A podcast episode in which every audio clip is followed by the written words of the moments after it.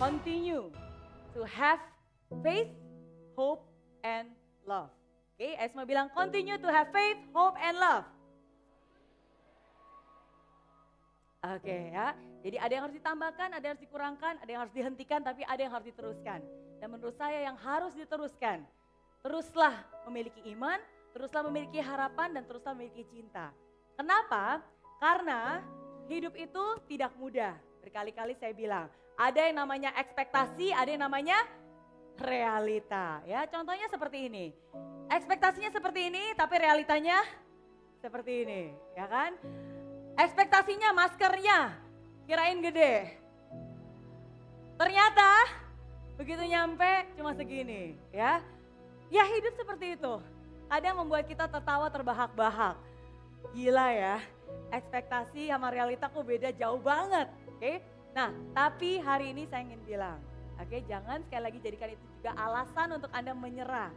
Um, banyak kegagalan, banyak kesulitan, banyak tantangan. Oke, okay?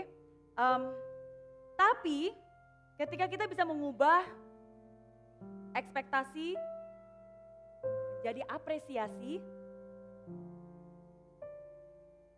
hidup Anda akan jauh lebih bahagia. Hidup Anda, Anda akan bisa melihat hal-hal yang sebelumnya Anda nggak bisa lihat sebelumnya. Apa pun yang terjadi, tetaplah memiliki iman, harapan, dan kasih. Kalau tadi Boy sempat cerita, dan saya pun sering mengalami. Kita semua pun pasti pernah mengalami. Kita ditertawakan, kita kecewa, pain, mengalami kegagalan, sakit, dan akhirnya kita berhasil. Tapi hidup gak hanya berhenti di situ saja. Ketika kita berhasil, kita akan punya mimpi baru lagi, kita akan ditertawakan lagi, kita akan menemui kesulitan lagi, kita akan terjatuh lagi, dan kita akan sakit lagi. Dan hidup akan terus menerus seperti itu. Maka dari itu penting untuk kita terus memiliki iman, harapan, dan juga kasih. Um, mungkin banyak yang sudah tahu bagaimana saya berjuang dan akhirnya bisa mendapatkan satu juta dolar pertama saya di usia 26 tahun di Singapura. 16 tahun saya berjuang dan berkarir dan berkarya di sana. Dan akhirnya tahun 2014 kemarin saya memutuskan untuk kembali tinggal dan menetap di Indonesia. Mulai sesuatu yang baru, mewujudkan mimpi saya yang baru. Bukan untuk mendapatkan berjuta-juta dolar, tapi untuk bisa menciptakan dampak positif dalam kehidupan jutaan orang di Indonesia. Dan saya mulai dari hal yang sederhana. Kalau di Singapura, kantor saya sangat tinggi berada di CBD area, di perkantoran, gedung-gedung tinggi. Ketika pertama kali saya mulai di Indonesia, tahun 2014, lima tahun yang lalu, saya mulai dari garasi. Garasi rumah saya yang ada di Jakarta Barat. Tadinya garasi kita renov dikit dan kita jadikan kantor. Saya masih ada fotonya. Nah, ini fotonya. Um, kebetulan di bulan Agustus kita merayakan HUT RI yang ke-69. Lima tahun yang lalu. Ini adalah garasi tempat pertama kali Mary Riana Group berdiri. Um, AC-nya masih suka bocor, suka mati lampu, PLN, tapi matinya bentar, nggak lama. Masih kecil, masih sederhana.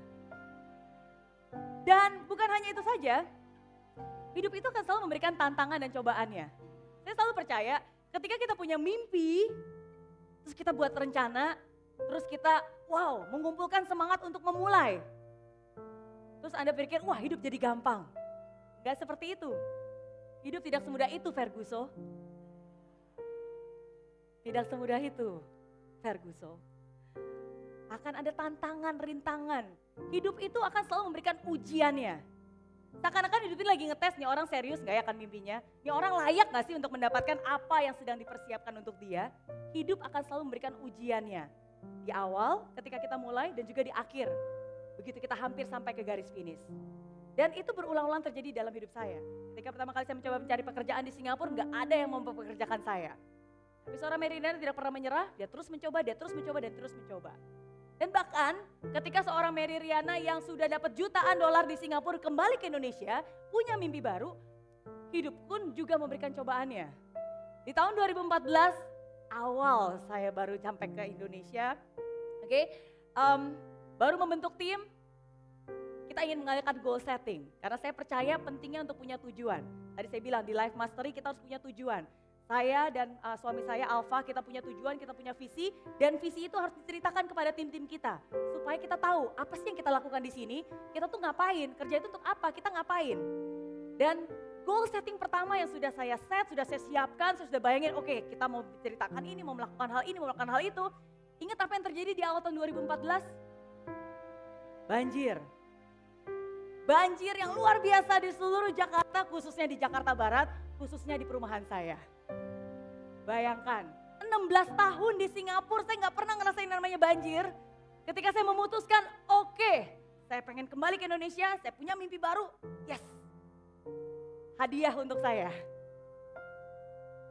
Banjir. Dan masih ingat ya, kantor saya di mana? Di rumah, di garasi. Kalau di depan ganjilnya seperti ini, seperti apa tuh? Kita harus ngepek, kita harus men, apa ya, menyelamatkan komputer-komputer dan seterusnya.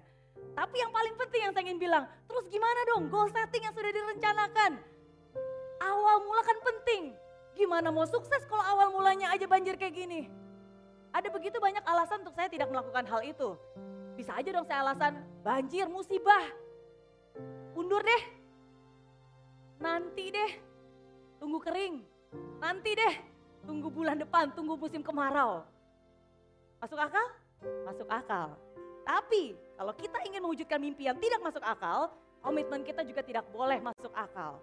Kita harus bisa mengalahkan pikiran-pikiran negatif itu, kita harus mem tidak membiarkan alasan itu menghentikan kita. Jadi, bagi saya ini ujian. Gak apa-apa Tuhan, terima kasih untuk ujiannya karena saya tahu ujian ini akan membawa saya naik kelas. Thank you.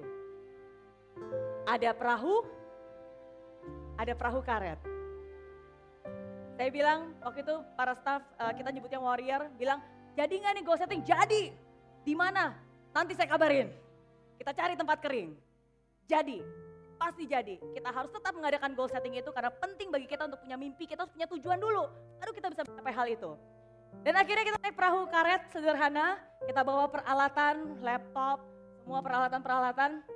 Dan um, inilah yang terjadi Um, walaupun banjir, walaupun ada begitu banyak alasan untuk saya tidak melakukan hal itu, tapi seorang Mary Rena tidak pernah menyerah. Seorang Mary Rena akan terus berjalan dan terus berjalan, terus berjalan. Mau ada banjir ke, mau hujan badai ke, mau ada cobaan ke, mau ada tertawaan ke, kita akan terus maju. Harus terjadi. Ini adalah ujian. Kalau ujian gini aja nggak bisa, gimana kamu bisa mewujudkan mimpi-mimpi yang lainnya? Kalau dikasih cobaan air gini aja lah kamu langsung mundur dan menyerah, gimana kamu bisa menangani hal-hal lain dalam hidup kamu? Ingat, hidup akan selalu memberikan ujiannya. Dan akhirnya dengan iman, dengan harapan kami berhasil menerobos banjir-banjir itu, mencari tempat yang kering, dan akhirnya dimulailah goal setting pertama kita. Goal setting pertama kita berada di mall. Ini di Mall Puri Indah, di lantai 4 di food court. Bukan sesuatu yang mewah, bukan sesuatu yang megah, yang dengan wow peralatan speaker, yang keren. Enggak. Tapi dari dulu sampai sekarang saya selalu bilang, selalu harus mulai dari hal yang sederhana. Jangan sampai gengsi kita, ego kita, itu menghambat mimpi-mimpi kita. Walaupun saya sudah punya uang banyak, manusia sejuta dolar katanya. Tapi kalau itu harus dilakukan, kalau kita harus banjir-banjiran, kalau kita harus memulai goal setting kita di tempat yang seperti ini, it's okay. No excuses, it's okay. Have faith, hope, and love. Terus punya iman, terus punya harapan, dan jalanilah dengan kasih, dengan passion. Dan inilah uh, beberapa wajah-wajah dari mereka pasti Anda lihat karena mereka adalah orang luar biasa yang bertugas di belakang Tepuk tangan dulu buat mereka yang luar biasa. Mereka yang percaya dengan mimpi saya dan suami saya dan akhirnya membangun. Dan berawal dari hal yang sederhana ini, akhirnya kita mulai membangun Mary Riana Group. Kita mulai mewujudkan visi-visi kita bersama untuk menciptakan dampak positif dalam kehidupan jutaan orang di Indonesia. Itu bukan hanya slogan, tapi itulah sebuah visi, sebuah mimpi, sebuah doa yang kita doakan setiap hari. Dan dari mimpi, saya selalu percaya You've got to believe it and you see it. Anda harus percaya dulu baru Anda akan bisa melihat. Banyak orang, ah kasih saya dulu dong buktinya, saya mau lihat dulu baru saya percaya. Hidup gak seperti itu. You've got to believe it first. Then you will see it. Percaya dulu, baru Anda akan bisa melihat. Dan dari awal garasi akhirnya kita pindah ke Ruko, kita bikin Mary Renal Ring Center. Ruko pertama kita di Puri Indah. Akhirnya kita sekarang Mary Renal Ring Center sekarang udah ada enam cabang. Lima ada di Puri Indah, BSD, Kelapa Gading, Permata Hijau, dan Palem. Ada satu lagi sedang direnovasi di Banjarwijaya dan ada satu lagi coming soon di Surabaya. And we keep growing and growing and growing. Tapi hari ini saya ingin tunjukkan kepada Anda sekali lagi bukan betapa hebatnya Mary Riana, betapa hebatnya Mary Riana Group, but no I'm going to, yang saya tunjukkan adalah sebuah proses. Setiap orang sukses di mana pun juga keadaannya dia akan selalu akan ada ujian, selalu ada cobaan. Maka dari itu kita harus selalu punya iman, punya harapan, dan punya kasih. Ketulusan, cinta, do it with passion. Dan akhirnya inilah yang selalu saya lakukan. Menciptakan dampak positif dalam kehidupan jutaan orang khususnya di Indonesia. Setiap tahun kita adakan Inspira Fest. Di mana saya bisa membagikan pengalaman dan pembelajaran dalam hidup saya. Dan setiap tahun juga di tengah semua kesibukan saya, saya meluangkan waktu untuk melakukan tiga workshop, hanya tiga per tahun. Oke, okay? um, di mana Anda bisa belajar dan langsung. Dan itulah yang selalu kita lakukan. Dan saya berterima kasih kepada Anda semua. Karena Anda hadir di sini, Anda mau mendengarkan cerita saya. Dan saya yakin, bukan hanya saya, setiap dari Anda pun pasti punya cerita yang bisa dibagikan. Jadi, how to be able to be successful di era digital 4.0. Know yourself more, kenali diri Anda, tahu apa yang Anda mau, apa yang Anda bisa, apa yang Anda suka. Careless about what other people think. Jangan peduli apa kata orang, so what gitu loh. Coba semuanya bilang so what gitu loh. It's okay and just keep moving forward. Gak ada alasan, jangan bilang alasan saya gak punya duit, saya gak punya waktu. Istri gak setuju, suami gak setuju. Stop making excuses and start doing something. Start now, start now. Dan yang terakhir, walaupun mungkin Anda masih belum punya apa-apa, tapi milikilah iman, milikilah harapan, dan jalanilah dengan penuh kasih.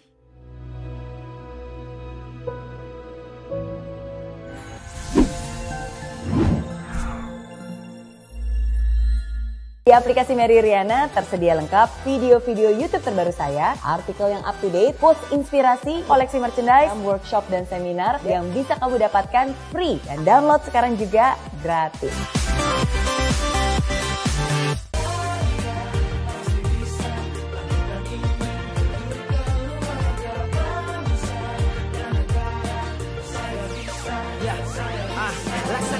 tanpa hujan Hidup tanpa tujuan Kering dan mati tanpa hijaunya tumbuhan ah Demikian kalau mimpi tak kunjung terjadi